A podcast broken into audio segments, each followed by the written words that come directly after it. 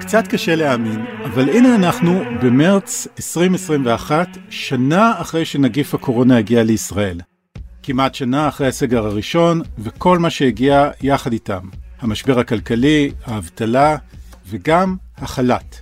מודל החל"ת איתנו כבר כמעט שנה, וגם היום יש מאות אלפי ישראלים בחל"ת. אבל ביוני הקרוב, בעוד שלושה חודשים בלבד, המודל הזה אמור להסתיים. ככה החליטה הממשלה בזמנו, בקיץ האחרון. ומפה לשם, הזמן עובר, ועוד מעט מודל החל"ת אמור להסתיים. או שלא. היי, אני אורי פסובסקי, ואתם מאזינים לצוללת של גלובס. איתנו היום אלה לוי ויינריב, כתבת האוצר של גלובס. היי אלה, היית מאמינה שכבר שנה לקורונה? תראה, אני לא מאמינה, ואם לשפוט לפי שיחות uh, סלון, אז אף אחד לא האמין. זה היה משהו ששמור לסרטי אסונות כאלה של פעם, שלא האמנו שהם יכולים להתרחש, והנה, אנחנו בתוך המציאות הזאת כבר שנה. כן, בינתיים התרגלנו.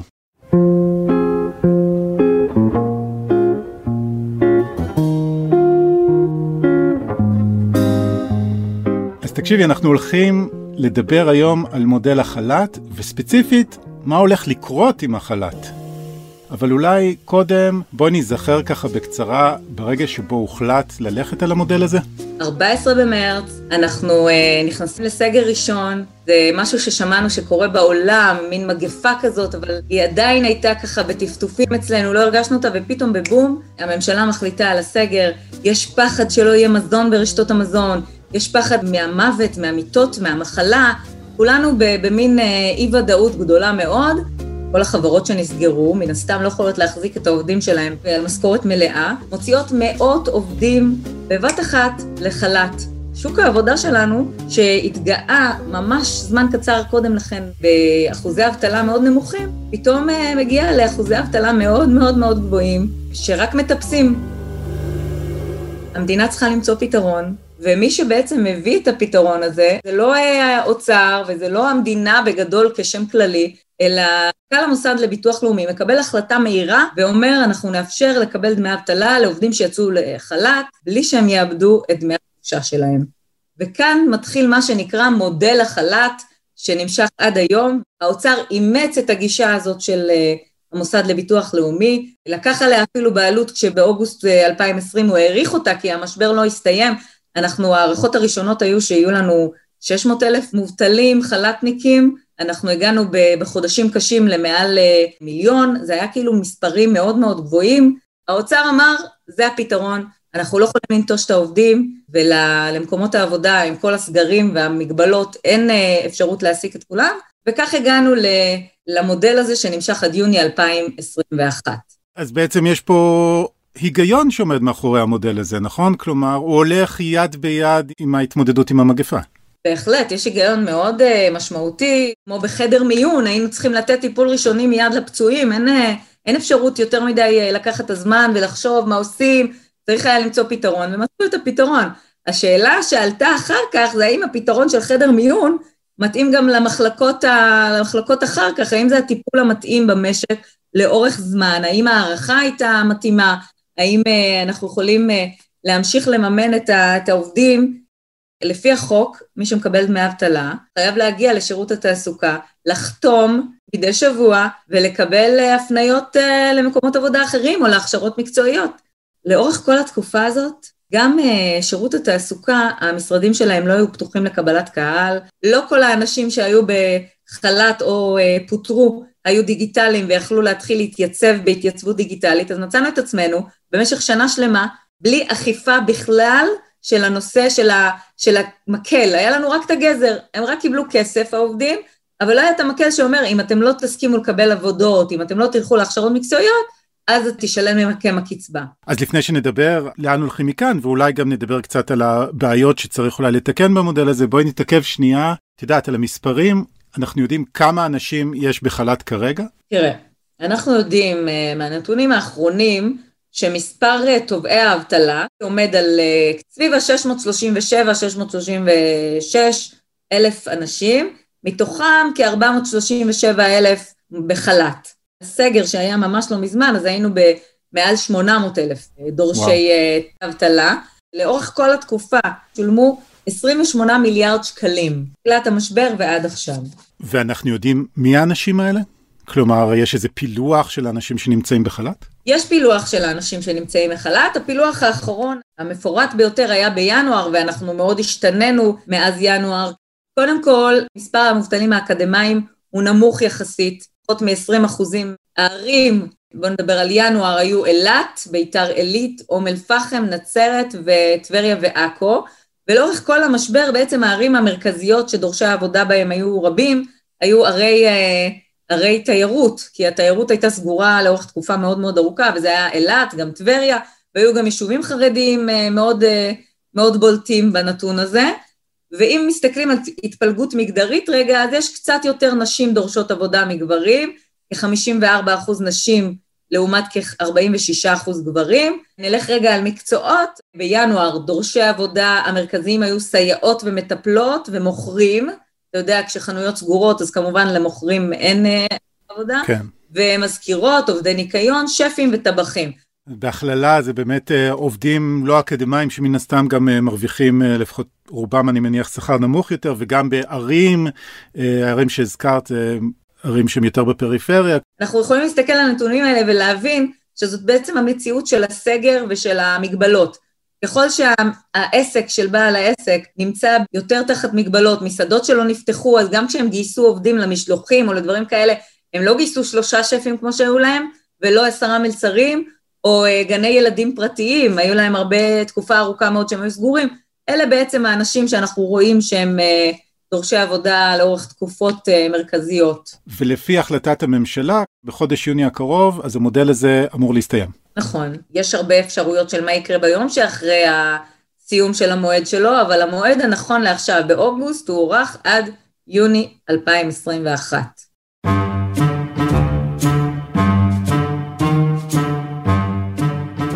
כשאני נכנסתי, אני הקשבתי למפגינים, למוחים, לבעלי עסקים, ולאנשים מקצועיים, ובניתי רשת ביטחון כלכלית שונה, שבגיבוי ראש הממשלה עברה פה אחד בממשלה. אני העברתי אותה בכנסת, פה אחד, 80 מול 0. כולל האופוזיציה תמכו כי הבינו שהתוכנית נכונה. מי שהתייצב מאחורי מודל החל"ת באופן די עקבי הוא שר אוצר ישראל כץ, שכמו שאת אומרת, אפילו אימץ אותו ככה והתייצב מאחוריו בכל כוחו. מה מבחינתו הולך לקרות לחל"ת? תראה, אנחנו מדברים פה מאוד תיאורטי לפני בחירות. זה אומר שכל מה שאנחנו אומרים על מה שישראל כץ אה, רוצה, חושב, מתכנן, הכל. צריך עיון ובסימן שאלה וכפוף לתוצאות של הבחירות. כן, הערה חשובה.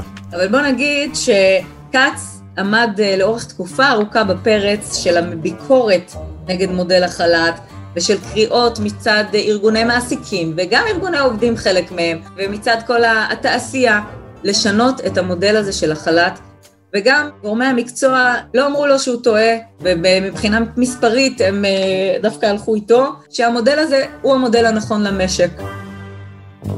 זאת אומרת שאם זה תלוי בישראל כץ, כל עוד אנחנו במשבר עמוק ונתוני האבטלה לא יורדים משמעותית, ואם יידרשו עוד סגרים, ואם התחלואה לא תרד משמעותית, אז אנחנו נהיה בדיוק באותה סיטואציה של הערכת המודל. אבל הדבר הזה קשה להאמין שהוא יקרה לפני הבחירות, ולכן כל השיחה על הערכת מודל החל"ת היא מאוד מאוד תיאורטית. כלומר, אם זה היה תלוי בו, בוודאי אם המצב הבריאותי יידרדר ויהיו עוד סגרים, או שנגלה שהמשק במשבר, אז פשוט אפשר להעריך את המודל הזה, אבל זה לא בהכרח תלוי בו. אבל אולי כדאי להתעכב על מה שאת אומרת, כי באמת לאורך כל השנה הזאת שמענו כל הזמן אנשים שמדברים על זה שהמודל אולי לא נכון ואולי רחב מדי, שיש מודלים אחרים בעולם, מה שנקרא נגיד המודל הגרמני, שבו המדינה מסבסדת חלק מהשכר והעובדים עובדים במשרה חלקית, וכץ בעצם לא נענה לקולות האלה, ואת אומרת גם שהדרג המקצועי לא דחף אותו? כץ זה ממש הפך להיות אה, הבייבי שלו, זה פשוט הפך באיזשהו שלב הקריאות לשנות מודל היו מאוד מאוד רמות. אמרו, mm-hmm. המודל הזה מזיק לנו. המעסיקים למשל, בתעשייה, במגזר העסקי, דיברו על זה שהם אה, מבקשים מעובדים לחזור, אבל הם לא יכולים לשלם לעובד את מה שהם שילמו לפני המשבר, כי הם עובדים במשמרות חלקיות או בתפוקה חלקית, והביקושים הם לא אותם ביקושים, אז הם יכולים להחזיר אותו למשרה חלקית או לשכר טיפה יותר נמוך, והעובדים פשוט אומרים, אני מקבל 70 אחוז, 60 אחוז מהשכר שלי, אז למה אני צריך לקבל פחות ולעבוד? אני יושב עכשיו בים בקיץ, או בבית, לטפל בילדים, או עושה את מה שאני רוצה לעשות, בעלי מסעדות אומרים, המלצרים אמרו לי, אני מוכן לחזור בשחור, גם הטבחים, אבל אה, לא מדווח, אני רוצה להמשיך ליהנות מכל העולמות. הדבר הזה יצר קריאות מאוד מאוד גדולות, לשנות את המודל שהיה ולעשות משהו אחר, לעשות מודל שיותר מתאים, אה, למשל, אה, כמו שהזכרת, המודל הגרמני, שבעצם אומר, את הכסף לעובדים מעבירים דרך המעסיק. זאת אומרת, משאירים את העסקים פתוחים, הם יכולים לגייס חזרה את העובדים שלהם ברמת המשרה שהם יכולים לגייס, משרה חלקית כזאת או אחרת, ואת הפער בין מה שהם מקבלים באבטלה לבין uh, השכר שהמעביד נותן להם, מעבירים למעסיק והוא מעביר את זה לעובד. זאת אומרת, המעסיק יכול להעסיק את העובד בלי שהעובד ייפגע מזה, כאילו ייפגע במחאות מהעובדה שהוא לא מקבל יותר uh, חל"ת. אבל באוצר לא uh, ששים לרוץ למודל הזה, הם חושבים שזה מודל לא מתאים למשק הישראלי, במקרה שהיינו מאמצים מודל כזה, זה לא היה מוריד משמעותית את העובדים שנשארים בחל"ת, אבל זה היה מגביר משמעותית את הסבסוד של המדינה, והכספים היו רבים יותר. ושר האוצר לא היה מוכן כמובן לשמוע על הדבר הזה, מבחינתו הוא בנה ומצא את המודל המתאים. גם לי יצא לדבר עם אה, כלכלנים שאומרים יש מדינות שמתאים להם המודל הגרמני, יש מדינות שמתאים להם מודל של אה, חל"תים, ומדינות עם שוק עבודה מאוד גמיש דווקא מתאים להם חל"ת, כי אחר כך אפשר מהר מאוד להשתקם חזרה ולהשתנות באופן דינמי. כלומר, אני, אני חושב שאין איזו תשובה מוחלטת מה נכון. יש תשובה שכמו שאמרת שהיא נכונה לכל אה, משק בפני עצמו וככה בוחנים את הדברים. המשבר הכלכלי הזה, זה בעצם משבר במרכאות שהמדינה ייצרה. Mm-hmm. לא כמו משבר 2008-2009, שהיה איזה משבר גלובלי שנפל עלינו, ופתאום לא היה אפשרות, כאילו כל העסקים נפגעו ולא היה להם אפשרות להעסיק את העובדים שלהם. כאן העסקים רוצים, רצו, הם העסיקו את העובדים שלהם, היינו באחוזי אבטלה נמוכים, אבל בשל המגפה, המדינה הייתה חייבת לסגור אותם. המציאות הזאת לכאורה אופטימית, כי היא אומרת לנו שברגע שיפתחו את המשק, אז גם מקומות העבודה ייפתחו מחדש, ורוב האנשים שאין להם עבודה כיום, ימצאו את עצמם מחדש בתוך העסקים שייפתחו. לעבור למודלים אחרים, אין טעם לעשות את הדבר הזה, כאילו בן לילה יכולים לחזור למציאות טובה יותר. נשמע קצת אופטימי, כאילו יש מתג אור כזה שאפשר לכבות ואז להדליק. אפשר לחלום. אני רוצה להתעכב על הטענה הזאת שהעובדים לא רוצים לחזור מחל"ת. זו טענה ששומעים אותה הרבה, אבל כמובן שקשה למצוא נתון של מספר העובדים שמסרבים לחזור לעבודה. בכתבה שפרסמת השבוע היו שני נתונים שתפסו ככה את תשומת ליבי. נכון לעכשיו יש 437 פחות או יותר אלף אנשים בחל"ת, ומצד שני, שירות התעסוקה מדבר על כך שבשבועיים האחרונים 19 מעסיקים הודיעו על 28 עובדים שסרבו לחזור לעבודה. כששמים את המספר הזה, 28 עובדים שלא רוצים לחזור לעבוד והתלוננו עליהם, לעומת 437 אלף אנשים בחל"ת, נראה שה, שהמספר הזה לא מצביע על תופעה מאוד נרחבת של אנשים שלא רוצים לחזור. בואו נדבר באמת על הנתון הזה.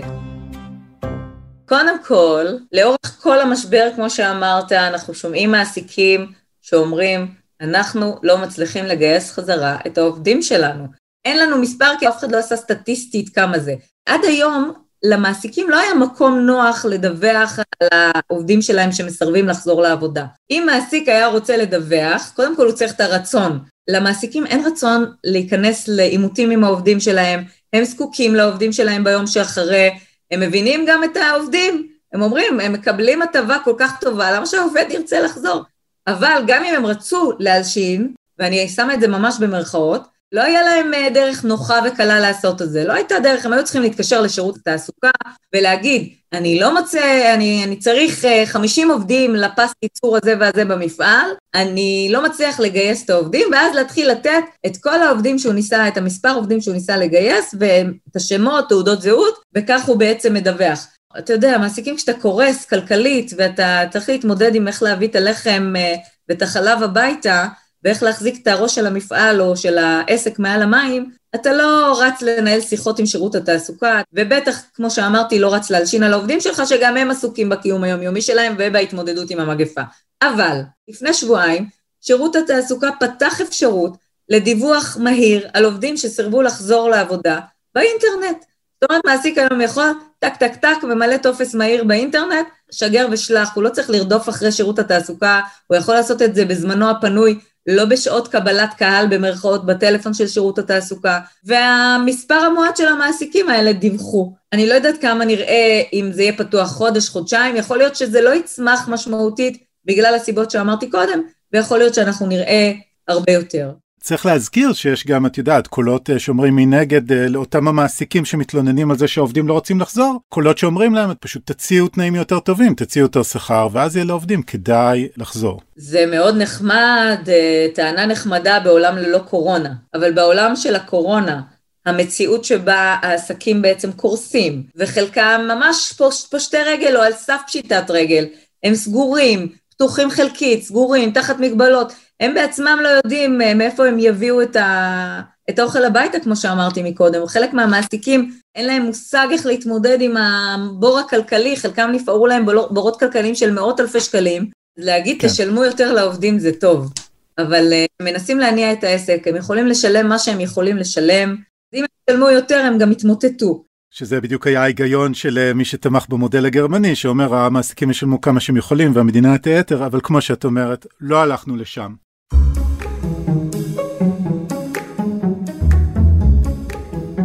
בכל מקרה, החל"ת איתנו כאמור כבר שנה, משהו בכל זאת השתנה בטיפול של המדינה באנשים בחל"ת, בדורשי עבודה?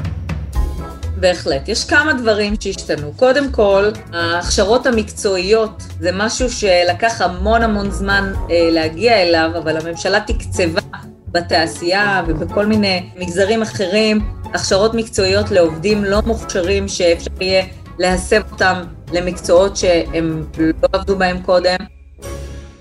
שני, מתחילים להקפיד על הכללים של ההתייצבות ושל uh, הפניות uh, תעסוקתיות. מה זה אומר? בעצם שירות התעסוקה פתח את השערים. זאת אומרת, ברגע שאנחנו קצת ירדנו מהמגבלות על מקומות העבודה והעובדים חזרו לשירות התעסוקה, אז גם הם פתחו את הדלת, והם מתחילים לזמן אליהם עובדים שנמצאים בחל"ת או מובטלים, ולתת להם או הפניה באמת להכשרה מקצועית, או הפניה לג'ובים שפתוחים ואפשר להפנות אותם אליהם, וזה כבר משנה קצת משהו, כי ברגע שאותם עובדים יסרבו, כמובן אפשר יהיה לשלול להם את הקצבאות. המדינה בגדול הייתה עד היום במוד של לתת, וזה היה יכול להיות המוד הנכון, אנחנו כולנו התמודדנו עם משהו שמעולם המדינה לא התמודדה איתו קודם, והמוד הזה של לתת ולסייע, ולא בהכרח לבדוק בציציות, אולי היה נכון עד עכשיו. דיברנו על האפשרות להאריך את החל"ת עם כל אותם uh, שינויים שאת מזכירה, של הכשרות וקצת יותר פיקוח על uh, מה שקורה.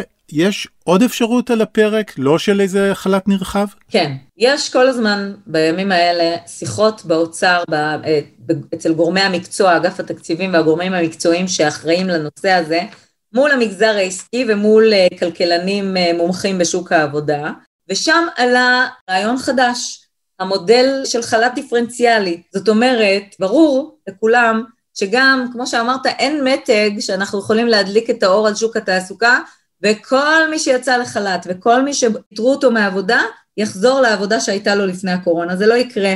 יש uh, מלא ענפים שהמצב שלהם השתנה דרמטית, ענף התיירות, ענפים אחרים, ענפים שהשתכללו ועברו לעבוד באינטרנט ופחות זקוקים לעובדים שהיו קודם. הרבה דברים השתנו בשוק התעסוקה בשנה הזאת, וגם חלק מהענפים לא יחזרו לעבודה באורח מלא, זה אנחנו יודעים. ענף תיירות החוץ וענפים אחרים אה, בתרבות יהיו מגבלות מאוד גדולות, אז לא כולם יחזרו לעבודה. כשיודעים את זה, אז יודעים שצריך להמשיך לעזור לאותם אנשים שלא יצליחו להשתלב חזרה. וכאן נכנס המודל החדש שמדברים עליו, הצעה שעלתה על השולחן אה, בשיחות האחרונות, וזה המודל הדיפרנציאלי. זאת אומרת, מודל שישים, יבדוק ענף ענף, ימקד את הסיוע בעובדים שבאמת זקוקים לו, גם עובדים למשל מבוגרים, שנפלטו משוק העבודה, ובאופן רגיל קשה להם למצוא עבודה בחזרה, אז עכשיו עוד יותר הם להשתלב בשוק העבודה. במקביל לדבר הזה, לשינוי המודל, יוציאו אה, תוכניות חדשות אה, של סיוע גם למעסיקים וגם לעובדים, בתמריצים. זאת אומרת, המקל שיהיה, זה יהיה המקל שאפשר לשלול לעובדים את החל"ת, את דמי האבטלה שהם מקבלים, אם הם לא מסכימים לחזור לעבודה, והגזר יהיה, אם אתה תחזור לעבודה, יינתן לעובד מענק חזרה לעבודה לעובד, שיתפרס על אה, ארבעה, חמישה חודשים, ומענק החזרת עובדים לעבודה למעסיקים. אז דיברנו על כל מיני אפשרויות למה הולך לקרות ביוני, להאריך את החל"ת, לעבור למודל דיפרנציאלי, אולי גם מענקים. מהדיונים שאת עוקבת אחריהם, יש לנו מושג מה הולך לקרות בפועל? הייתי רוצה להגיד לך כן, אבל התשובה היא לא. והתשובה היא לא בגלל שאנחנו uh, טרום בחירות. אנחנו יכולים לדבר על כל התוכניות שעל השולחן, אבל uh, התוכניות שעל השולחן, הם יישארו על השולחן, או אפילו ייכנסו לאיזו מגירה, עד שנגיע ליום אחרי הבחירות, ונדע מי יהיה שר האוצר החדש, ואז גורמי המקצוע יוכלו בעצם להציג את התוכניות, תוכנית מובנית כלשהי בפני שר האוצר שיהיה, ואותו שר יוכל אה, להתקדם עם זה. אבל אה, כנראה שאנחנו נדע רק במאי. זה התרחיש האופטימי, שלא נגיע עד היום האחרון של החל"ת ואז נגלה מה קורה. בואו נזכור שזה גם תלוי מצב. אם זו מציאות של תחלואה גבוהה וסגרים, או שזו מציאות של אה, באמת צעידה החוצה מהמשבר הזה. אני מניח אה, ששומעים אותנו גם עובדים שנמצאים בחל"ת, גם מעסיקים שהעובדים שלהם נמצאים בחל"ת, והם רוצים לדעת מה הולך לקרות איתם אה, עוד שלושה חודשים. ונכון לעכשיו, כמו שאת אומרת, פשוט לא ברור מה הולך לקרות. תראה, דבר אחד ברור לנו מכל ההתנהלות אה, כלפי העובדים בתקופה הזאת, זה לא שפתאום יגידו, אנחנו זורקים אתכם למים העמוקים ותסחו לבד. זה לא שהמדינה תפקיר את העובדים, לגבי המעסיקים זה דיון אה, רחב, מאוד משמעותי, על האם המדינה, אתה יודע, יש מי שטוען שהמענקים למעסיקים לא היו מספיק טובים, וכמובן שמדיניות החל"ת אה, עודדה אה, אבטלה סמויה, והמעסיקים לא יכלו לגייס חזרה עובדים, אבל כשאנחנו מדברים על שוק העובדים, אנחנו מדברים על שוק שזכה בעצם לתמיכה ולגב מאוד יציב וחזק מצד המדינה, והמדינה לא תזרוק אותם כעת. זאת אומרת שהם יכולים, מסתמן, שהמדינה כן תדאג להם. איך זו השאלה שאנחנו מדברים עליה. אנחנו כמובן אה, כאילו אה, לא, לא, לא יודעים מה יקרה ביוני, אנחנו לא, לא יכולים להתנבא, אבל אנחנו יכולים כן להגיד, אנחנו במציאות שאת העובדים המדינה לא זרקה, גם אין לה ברירה, היא לא יכולה פה להתמודד עם אה, אבטלה של אחוזים מאוד מאוד גבוהים, 20-25, ולא לסייע. וכמובן, אנחנו נמשיך לעקוב. אלה לוי ויינריב, תודה רבה. תודה לך. עד כאן עוד פרק של הצוללת. אתם יכולים למצוא אותנו באתר גלובס, בספוטיפיי, או איפה שאתם מאזינים לפודקאסטים. נשמח אם תדרגו אותנו גבוה, ואתם מוזמנים לשלוח את הפרק לחברה או חבר שרוצים לדעת מה יהיה עם החל"ת. לפני שניפרד, אני רוצה להזמין אתכם לפרק מיוחד של פודקאסט השקעות הנדל"ן של גלובס, כסף בקיר. גיא ליברמן מביא את סיפורה של עסקת נדל"ן ברחוב פולנד 1920 בלונדון, שהסתבכה והגיעה עד לבית המשפט. את הפרק ערך רון טוביה, תודה להילה וייסברג ושלומית רביד מצוות הצוללת, אני אורי פסובסקי, ניפגש בפעם הבאה, ביי. Thank you.